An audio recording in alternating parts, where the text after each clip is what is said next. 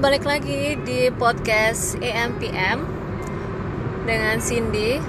Dan kali ini aku nggak sama suami aku karena suami aku lagi kerja dan aku posisi lagi di jalan sama temen aku. Dan kali ini kita akan membahas tentang pekerjaan yang mungkin beberapa orang mikir pekerjaan ini cukup kontroversial. Pekerjaan apa itu? Dan uh, di sebelah aku lagi nyetir dia yaitu narasumber aku. Narasumber. Dan sebenarnya kita seprofesi jadi ada yang bisa nebak nggak sih profesinya apa? Profesinya apa bu? Saya tukang dorong troli. Tukang dorong troli sian. Jadi kerjaan yang akan kita bahas ini karena ini merupakan profesi kita yaitu pramugari. Yeay Nah, di sebelah aku yang lagi nyetir ini namanya siapa Bu namanya Bu? Kok lupa Bu? Nama namanya Nana. Namanya Nana. Namanya bukan Nana sebenarnya itu nama panggilan, nama samaran, tapi kayaknya Sebut harus disamarkan. Sebut saja saya Bunga. Sebut saja dia Bunga. So, um, mundur nih uh, flashback ke awal-awal dulu sebelum kamu kepikiran untuk uh, kerja sebagai pramugari? Background pendidikan kamu apa sih? Uh, background pendidikan S1 komunikasi. S1 komunikasi. S2 sosial pub sosial public. udah udah S2, Bu? Udah, Bu. Alhamdulillah. Kapan Bu S2-nya, Bu? 2008 sampai masuk Garuda itu OSIS tesis otak sisa tenaga sisa ngejar-ngejar tesis yang gak beres-beres. Ngejar paper gak beres-beres. Oh jadi sebelum masuk pramugari itu udah selesai S2 ya? Hampir selesai. Oh hampir selesai. Uh. tapi untung selesai ya? Alhamdulillah ya Allah kalau nggak dipecat jadi anak. Terus uh, tapi sebenarnya dari background pendidikannya sih Uh, kalau dimasuk masukin ke pekerjaan sebagai pramugari masuk lah ya. Karena kan kita masuk. ketemu sama orang terus sering ketemu sama orang lah ibaratnya gitu. karena komunikasi kan ya. Komunikasi. Terus terus kenapa mau jadi mugari gitu? Karena dulu awalnya ngantor mikir duduk di belakang meja itu nyebelin. Gimana caranya punya kerjaan yang santai enak terus nggak bawa beban. Katanya kan nggak bawa beban. Emangnya mugari nggak bawa beban bu? Ternyata saya salah saudara-saudara. Itu tolong itu tolong di, di, dihilangkan dari benak semua orang yang bilang jadi pramugari itu cuma butuh cantik tinggi langsing muka putih rambut griwil griwil griwil griwil apa bu? Keriting keriting keriting keriting gantung. Itu pokoknya kayak kalau dulu mikirnya jadi pramugari itu cuma butuh cewek-cewek cakep uh, iklan pemutih Korea. Ternyata so far far far far away dari hal-hal yang kayak gitu. Ternyata tidak segampang itu dan tidak semudah itu. Ternyata kebanyakan tetesan air mata dibandingkan tetesan keringat kalau emang seperti itu terus kenapa pengen jadi mugari gitu kan? Kenapa? Kenapa? Karena akhirnya uh, realizing satu kerjaan yang tantangannya itu beda sama kerjaan kantor. Bedanya karena bisa mati. Jadi pramugari matinya nggak bisa kabur ke mana-mana. Kalau kalau kalau jadi kalau jadi pegawai kantor matinya opsinya banyak. Ketabrak di jalan, mm. kebakar di kantor, mm. diperkosa waktu pulang, mm. ya kan? Uh, dijambret jatuh dari motor, mm. uh, lagi nyetir, uh, lagi nyetir di bawah jembatan Coca-Cola, dibegal, dikampak, mati gitu. Jadi kalau jadi pramugari opsi matinya ketika bekerja berangkat bekerja itu cuma satu pesawatnya jatuh dan hilang nggak ada lagi nggak juga sih sebenarnya kenapa akhirnya jalanin ternyata uh, kerjaan yang kalau buat anak kom sangat-sangat dinamis ya being a flight attendant is the answer. Di mana semua ilmu-ilmu komunikasi yang tertulis jelas di kertas ternyata cuma jadi hayalan semata. Komunikasi tidak semudah itu komunikasi tidak segampang itu komunikasi tidak seluas yang buku-buku bilang. Dan akhirnya belajar banyak buat ya gimana berinteraksi sama orang belajar banyak bahwa uh, hari ini tuh tidak pernah sama dengan hari besok. Beda sama kerjaan kantor yang hari ini ya kerjaan yang kesisa ya besok akan dikerjain lagi. Sementara jadi pramugari mungkin SOP-nya sama lurusannya sama yang dilakuin sama. Tapi the way melakukannya suasana melakukannya orang yang dihadapinnya itu semua jauh beda. Itu akan selalu berbeda ya bukan hanya tiap sampai hari tapi pensiun. bukan hanya tiap hari tapi juga tiap tiap flight, landing bahkan tiap landing. kadang satu landing aja orangnya habis marah-marah tahu-tahu baik-baik tahu-tahu marah-marah lagi. Orang dari ketawa-ketawa tiba-tiba ngamuk. Ya realita Gila hidup dong. semua. Jadi realita hidup semuanya jadi satu di situ. Ah, kaliku ya tapi sebelum jadi mugari jadi pramugari atau bahasa Inggrisnya flight attendant ya teman-teman itu pernah nyobain kerja tadi kayaknya udah pernah disinggung ya tadi ya eh, kerja kantoran. Hmm. kerja kantoran itu berapa lama?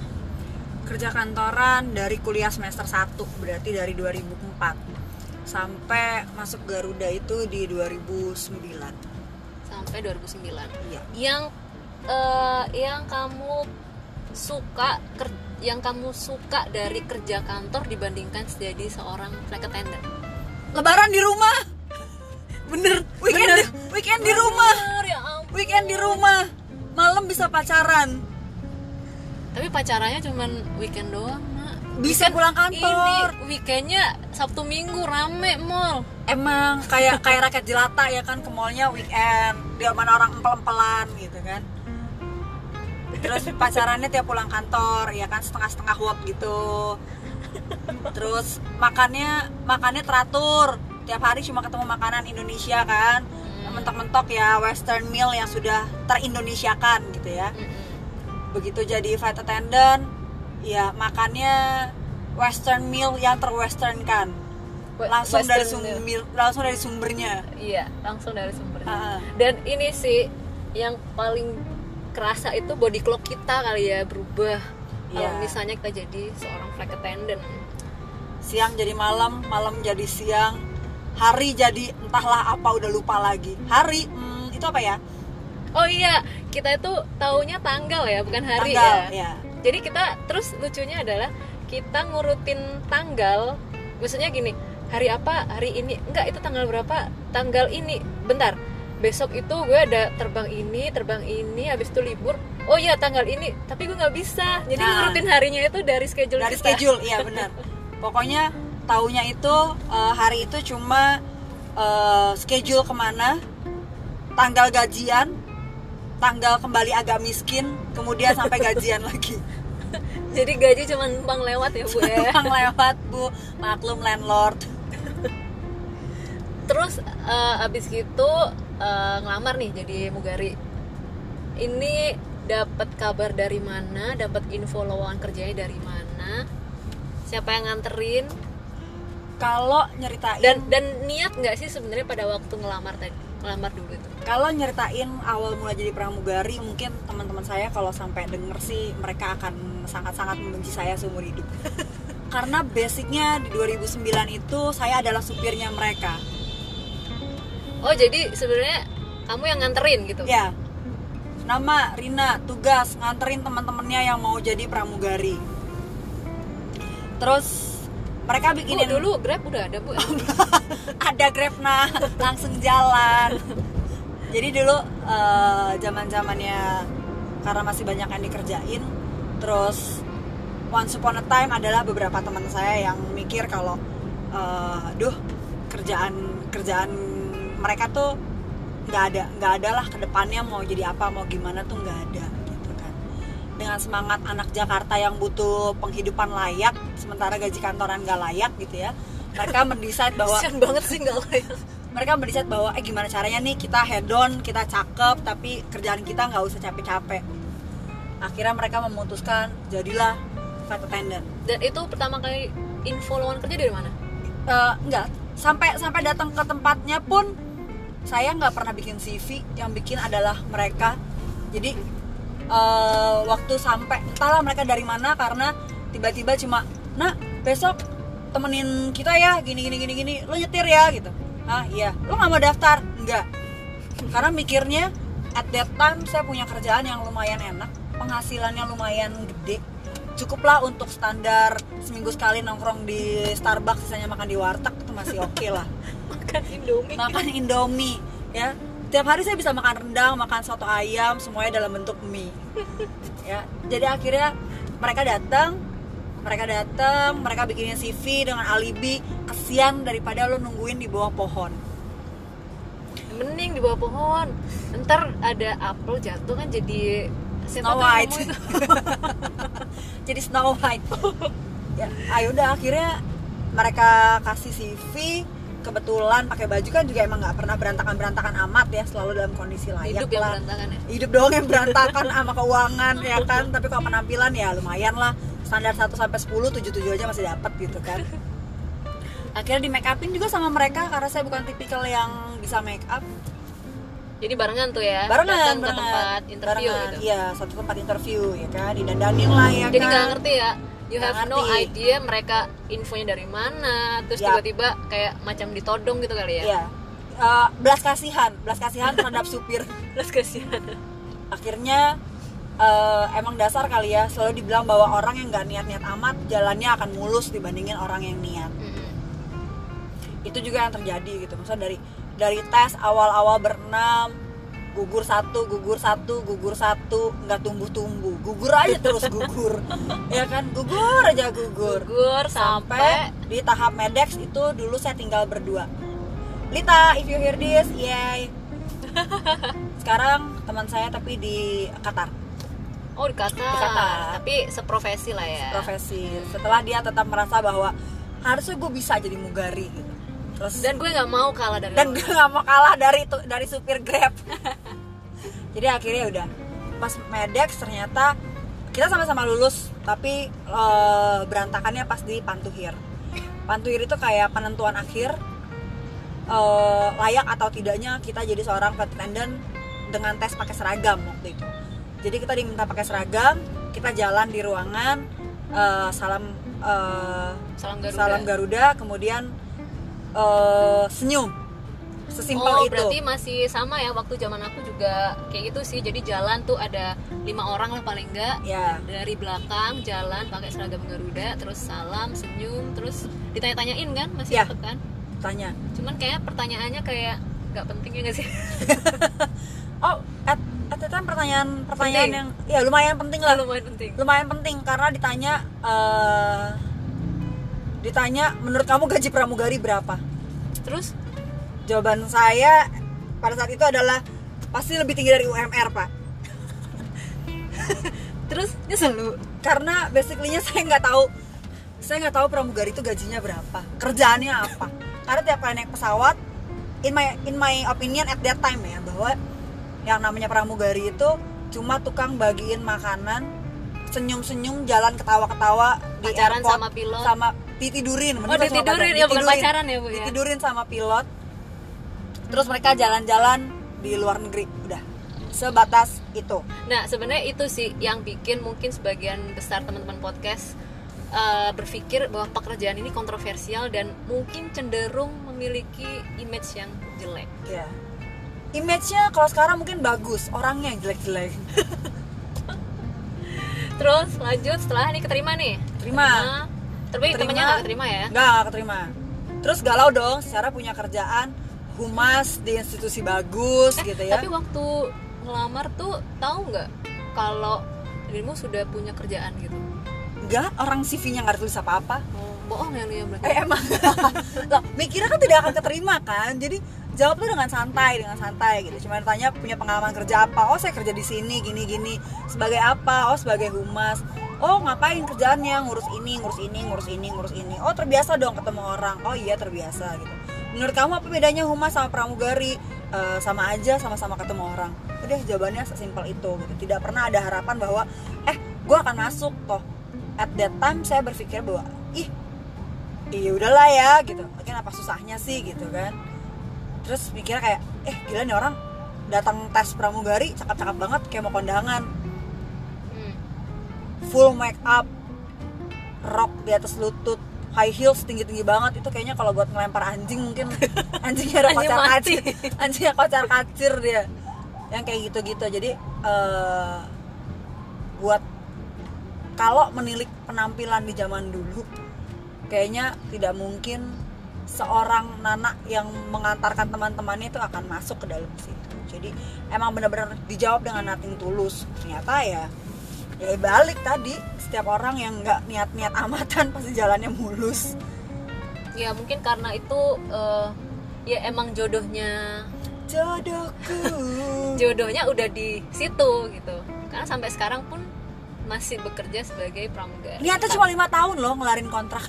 Tapi ada yang eh, lebih nih dari teman aku ini selain jadi pramugari. Nanti dengerin dulu ya. Terus suka dukanya nih suka dukanya jadi mugari apa? Nggak punya agama nggak punya negara nggak punya keluarga. Anjir kenapa nggak punya agama? Lebaran terbang. Iya bener juga sih. Ah lebaran terbang yang natal natalan terbang. Tapi yang lucu tuh gini kalau waktunya Natalan yang lebaran libur. yang, leba- yang lebaran libur ya Iya. benar tapi kalau saat lebaran yang natalan libur. Itu konyol sih sumpah. nggak apa-apa itu namanya adalah toleransi beragama makanya nggak makanya kenapa kenapa dibilang nggak punya agama? Makanya sampai aku kepikiran tuh gini eh, Ganti KTP mungkin- apa ya? mungkin ya harusnya gue dulu gue tulis di eh, CV itu agama Kristen gitu. Biar bisa lebaran. Terus yang Kristen nulisnya Islam gitu ya biar bisa lebaran. Dan bisa Natalan gitu. Suka iya suka dukanya jadi mugari emang yang paling menonjol itu sih kita nggak tahu kapan kita maksudnya kapan kita libur. Kapan kita libur saya nggak beraturan lah pokoknya. Ya kalau dipikir kadang-kadang kayak gini orang dulu setiap orang rumah keluarga inti ulang tahun kita pasti ada. Kalau sekarang kadang-kadang cuma pakai video call. Yup. ngucapin pakai video call. Pulangnya baru berhari-hari kemudian setelah suasana ulang tahun itu terasa basi. Begitu juga kayak lebaran. Lebaran sama-sama sih lebaran tapi yang satu di London misalnya yang satu di rumah. Yang satu megang opor ayam yang satu juga tapi Indomie rasa opor ayam. Pulang-pulang suasana lebarannya udah nggak ada. Mau mau minta maaf juga rasanya kayak jir lebarannya udah lewat kapan tahu? Gitu kan. Begitu juga kadang yang jadi beban adalah ketika kita jauh dikabarin orang rumah sakit. Mhm. kayak nggak bisa udah nggak bisa ngapa-ngapain Kayak nggak bisa tinggal- ngapain tinggal kayak cuman bisa cuman doa Iya. Doa nangis di emang. pojokan Ah, emberan. ya kan sebagai alibi biar nggak kerja ya kan jadi Hmm. ibaratnya kalau misalnya teman-teman podcast denger gaji pramugari tuh gede padahal kerjaannya cuma ah gitu itu tipu-tipu doang. itu tipu-tipu marketing Jadi saja sebenarnya yang kita korbanin itu banyak hanya saja mungkin teman-teman podcast nggak tahu secara detail ya kayak misalnya gini social life social life teman-teman itu ibaratnya dibayar dengan gaji gaji seorang pramugari mungkin ada yang bilang ah ya udah sih social life gue kayak gitu aja. Coba rasain kalau misalnya udah terjun beneran. Pasti kayak aduh kadang tuh nangis kadang tuh gue nggak mau terbang males. Jadi sebenarnya kerjaan ini buat orang-orang yang tough ya. Ya dan yang nggak punya teman sebenarnya enggak bukan bukan gak punya teman sih mungkin yang yang bodoh amat gue mau temenan sama lu apa enggak. tapi tapi kan bener kan buat orang-orang yang nggak punya teman karena tiap hari ketemunya orang yang beda dan harus terpaksa temenan. Dan Itu harus satu. terpaksa eh, akur. ya akur ya Ah, benar. harus pura-pura akur ya kan? Walaupun padahal kita nggak suka ngelihatnya gitu. Terus kita akhirnya berteman sama orang-orang yang cuma selintasan selintasan kita temuin. Dan teman-teman di uh, real world kita ya entah itu teman-teman main teman-teman nongkrong teman kuliah teman sekolah akhirnya lama-lama jauh karena nggak pernah matching kan waktu waktu nongkrongnya waktu ketemunya dan kadang Susah. juga topik pembicaranya juga jadinya beda iya jadi kayak jaka sembung bawa golok nggak nyambung goblok Siti goblok. eh jadi emang emang emang beda. Akhirnya jadi punya dua dunia yang beda gitu. Mhm. tapi senengnya itu bener kita bisa ngeliat dunia tapi ya dunia sebatas tujuan dari maskapai itu sih. Ta- Eh tapi tapi jadi pramugari itu bisa ngelihat dunia pas cuti gitu ya. Agak nggak perlu mikir sedikit lah soal biaya cuti karena kayak, hah segitu doang gitu ya. Itu itu kebayar lah dengan pengorbanan nggak punya teman nggak punya keluarga nggak punya agama nggak punya negara tadi gitu kan jadi eh, nggak tahu ya di maskapai lainnya sistemnya seperti apa tapi kalau di maskapai kita you know lah Garuda itu kita difasilitasi untuk di, untuk tiket tapi nggak gratis ya tiketnya ada macam-macam pokoknya kita murah aja pokoknya ada tiket pesawat ada tiket bus kan kita macam-macam jadi eh, untuk kalau misalnya kita lagi cuti gitu ibaratnya ada satu poin yang kita nggak usah mikir lah paling kita mikir hotel enggak gitu Oh, hotel juga bisa makan. pakai bisa pakai harga kru. Oh iya benar benar hotel pakai harga cuman kan kita mikirnya hot, hotel Makan harga udah- makan udah tahu yang murah. Makan udah tahu yang murah. kan udah tahu yang murah Heeh. terus kita kayak kalau misalnya kita pernah terbang ke negara tersebut terus kita cuti mau ke sana kayak Kayak berasa punya negara. iya kayak ah gue udah tahu ke sini habis itu latihnya sini lat Ah. sini gitu. Terus begitu ngajak keluarga, keluarga excited foto, kita excited belanja. Heeh. ya gitu ya ada ada enak ada enaknya pasti setiap pekerjaan ada suka ada duka itu pasti Tapi jadi pramugari itu lebih banyak sukanya sih. Mm-mm. Karena dukanya cuma selintas lalu. Dibarengin sama bergosip lupa lagi kalau lagi sedih. gibah ke mana-mana Gibah. itu Eh. itu obatnya sih Nanti ketemu lagi di neraka gini, eh kayak kenal. eh teman gibah. ya diem lu gue abis gini nyebrang siratul mustaqim gitu Mau ke mana nyebrang siratal mustaqim? Ah lu pasti bareng sama gue, gitu ya. dia berapa lo Jadi satu lah di situ. Aduh. Oke, jadi tadi eh, teman-teman podcast sudah tahu nih lika-liku suka duka. Nah, tadi aku bilang ada yang lebih nih sebenarnya dari temen aku. Lebih berat Nana. badan dia. Berat badan. Jadi dia selain seorang pramugari, dia juga seorang instruktur. Senam. Instruktur, iya. Ih, jangan-jangan lu instruktur senam. Iya makanya gue lebar.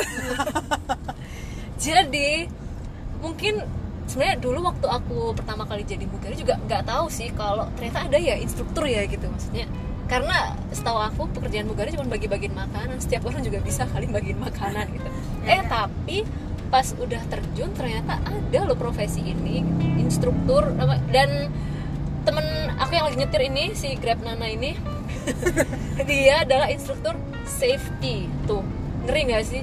Namanya aja Buat ngeri. gitu namanya aja ngeri apalagi ngeliat orangnya. Duh, udah gak usah ngeliat. Pramugari kelas berat. nah kenapa pengen jadi instruktur? Dulu pilihannya adalah mau di SP atau daftar instruktur. kok kejam ya? Kejam. siapa bos anda? Ya itu. Jadi dulu ter, eh, aku termasuk orang yang sering banget nggak masuk. oh bolosan ya Bolosan Anda ya? anaknya maklum. jadi Jangan- istilahnya kalau di kita itu nyakit suka nyakit, eh, eh. padahal nggak sakit saya saya hobi nyakit kemudian eh, suatu hari kita tuh punya namanya report to chief report to chief tuh kayak lapor ke supervisor lah gitu ya buat apa itu Eh, klarifikasi tentang absensi yang setahun Oh, kok. nggak- cuman artis aja yang klarifikasi ah, ya? Ah, iya banget gitu kan. Lalu dengan semangat 45 dan dan eh, dengan mua-mua internasional gitu ya datanglah ke sana. Cuma disodorin kertas disuruh pilih. Di SP karena kebanyakan bolos atau tanda tangan Jadi, surat pernyataan. SP oh my god. Saking banyaknya absen bu. Ya pilihannya adalah iya nggak di SP tapi harus mau daftar jadi instruktur.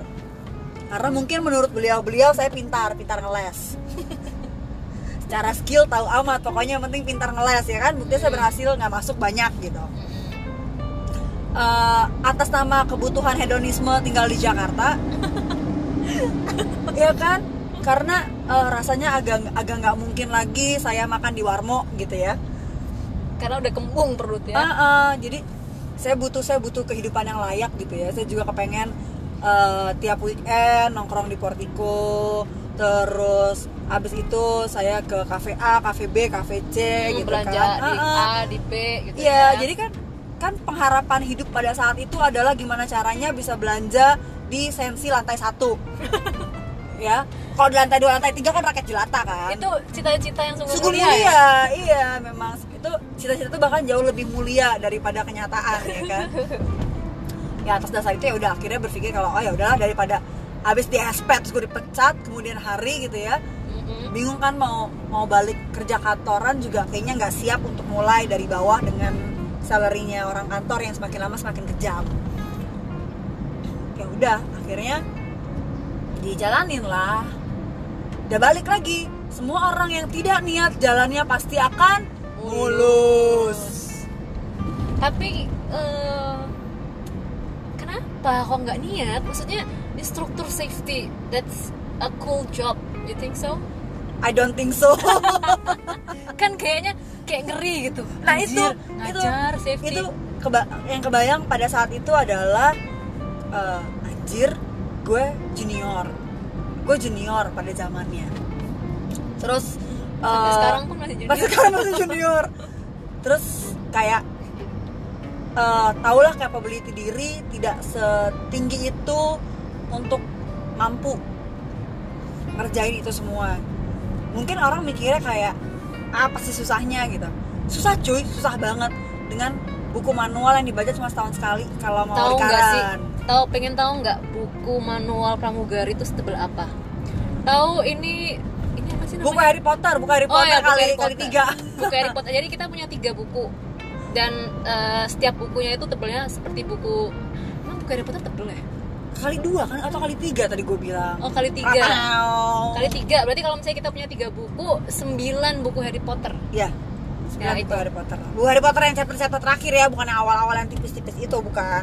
Nah seperti itu jadi bayangin aja deh terus Sudah, akhirnya jalanin, jalanin, masuk kelas sama lagi dengan perasaan nothing tulus di mana semua orang udah siap untuk bertempur di medan perang gitu ya. Itu tuh itu tuh kalau kalau ngomongin bahasa perang itu kayak orang dilempar ke de- ke garis depan tapi cuma pakai bikini. ya. Sementara semua orang tuh pegang tameng, pegang revolver gitu ya. Saya cuma bawa eh, Bawa diri. gelas, bawa gelas yang pakai topi, apa pakai payung-payungan kecil itu kan. Bawa pina colada sama bikini. Udah, begitu doang.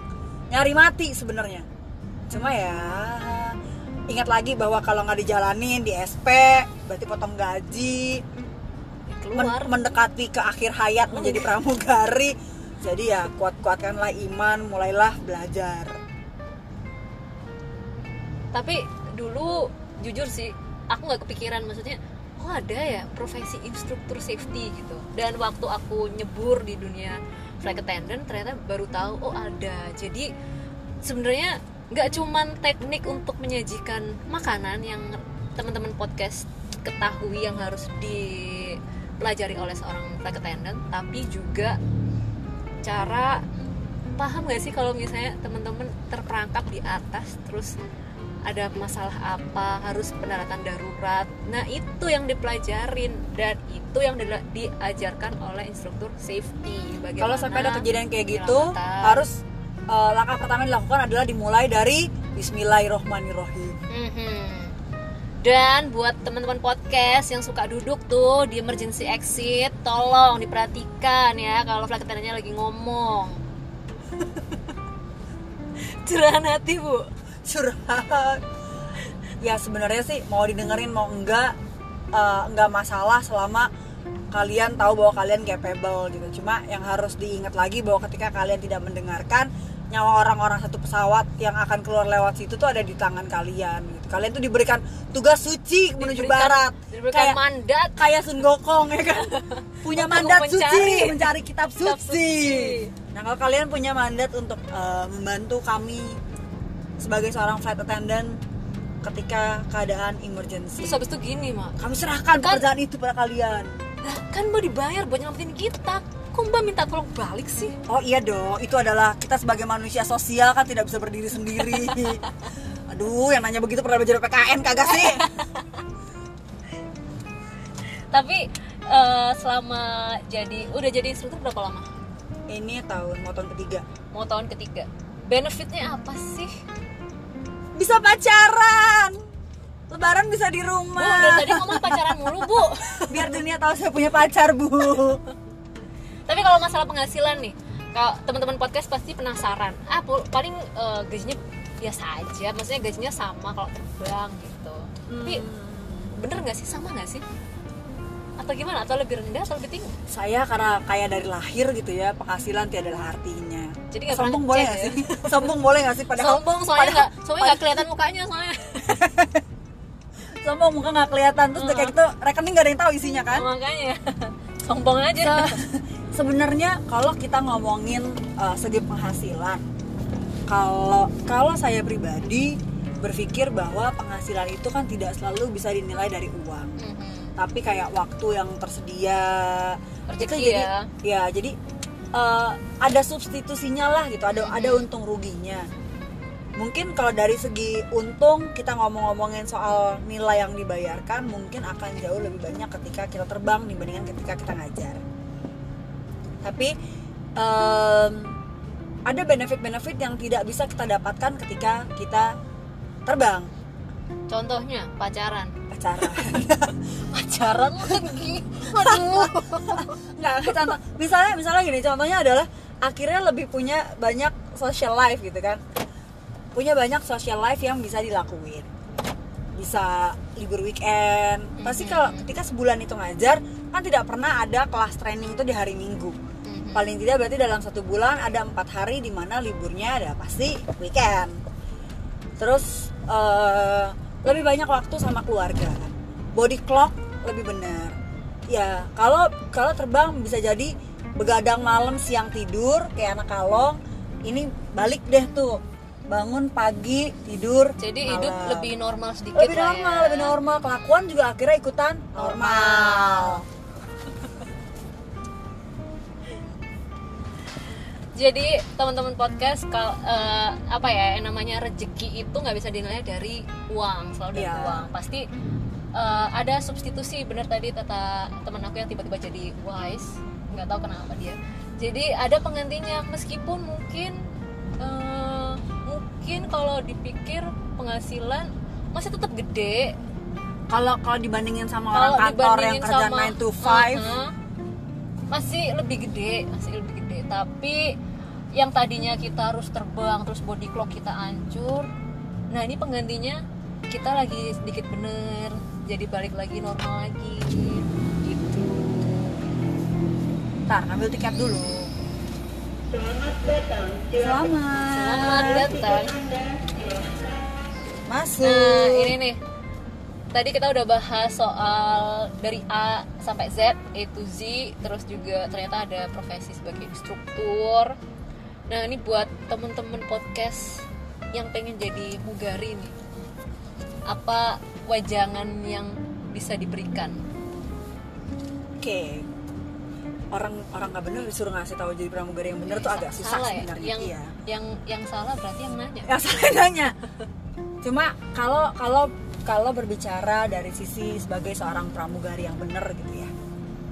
Ada banyak ada banyak hal yang perlu dipertimbangkan sebelum menjadi seorang pramugari. Apa itu? kalau kalau kalian jadi pramugari dengan harapan gaji besar eh, jalan-jalan ke luar negeri terus bisa foya-foya eh, kalian totally tidak cocok di pekerjaan ini ya jadi Meskipun mungkin kebanyakan orang akan berpikiran seperti ya itu.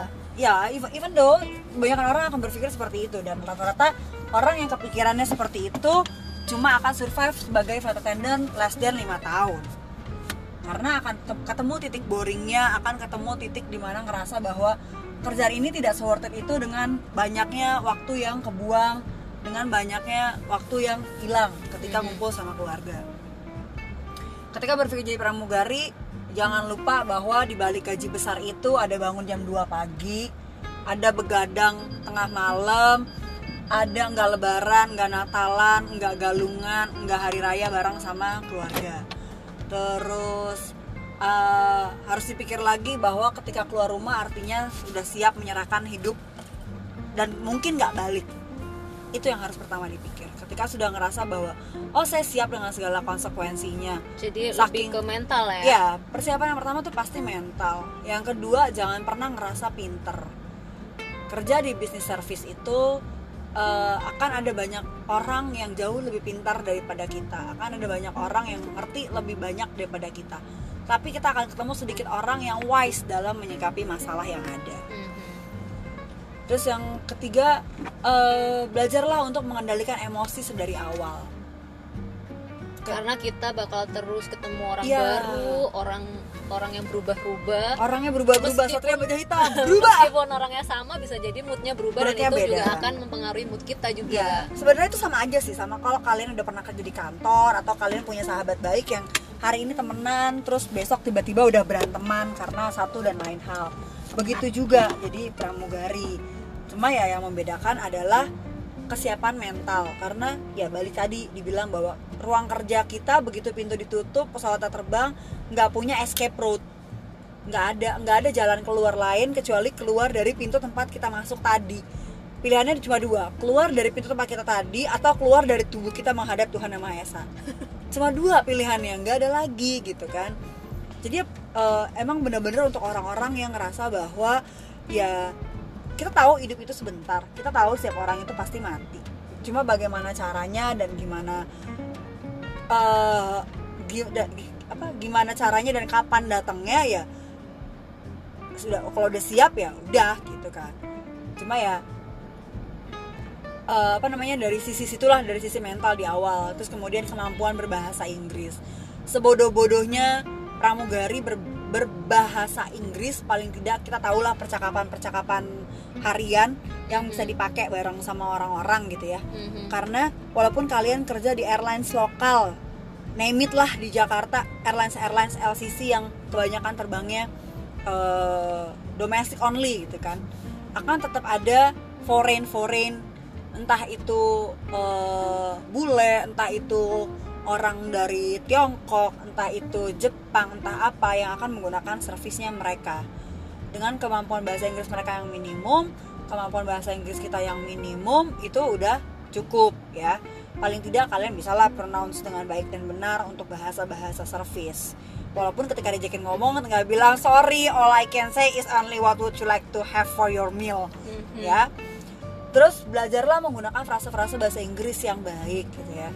Ketika bilang selamat tidur ya bilang eh, enjoy your rest. Jangan rest in peace Rest in peace. Rest in eh tapi itu peace. beneran ada loh rest in peace. ya terus Itu eh, ada aduh, ada juga yang banget. bilang ada juga yang bilang selamat makan congratulations on your meal ya itu actualnya hal-hal dasar yang membuat Sumpah pengen mem- pingsan. membuat membuat saya yang bekerja sebagai pramugari yang sangat-sangat profesional sedih sih gitu sedih belum lagi dengan kelakuan teman-teman yang akhirnya punya cap jelek di luar sana gitu ya emang kerja di mana pun pasti akan ada orang yang baik dan ada orang yang kelakuannya buruk gitu kan cuma ya eh, buat saya kerja bersinggungan sama maut sebisa mungkin jadilah orang yang baik gitu jadi ya wejangannya panjang banget ya kayak ibu So, mau ngelepas anaknya nikah kali ya, prepare your mentality.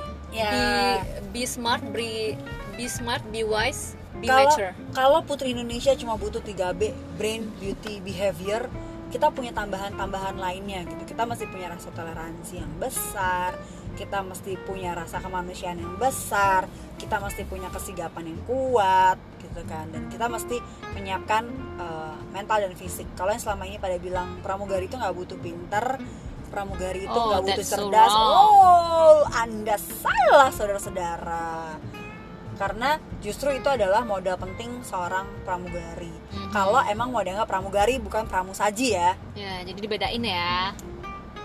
So, eh kayaknya udah udah udah banyak yang tadi kita bahas dan kata penutup kamu happy nggak?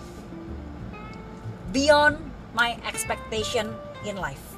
Oke, itu tadi kata penutup dan kata penutup dari aku adalah eh, sebenarnya ini untuk semua eh, profesi. Semua, Jadi semua, semua. prepare your mentality, be smart, be wise, and be mature. Oke, itu aja di episode ketiga podcast AMPM. Ketemu lagi di next episode. Dadah!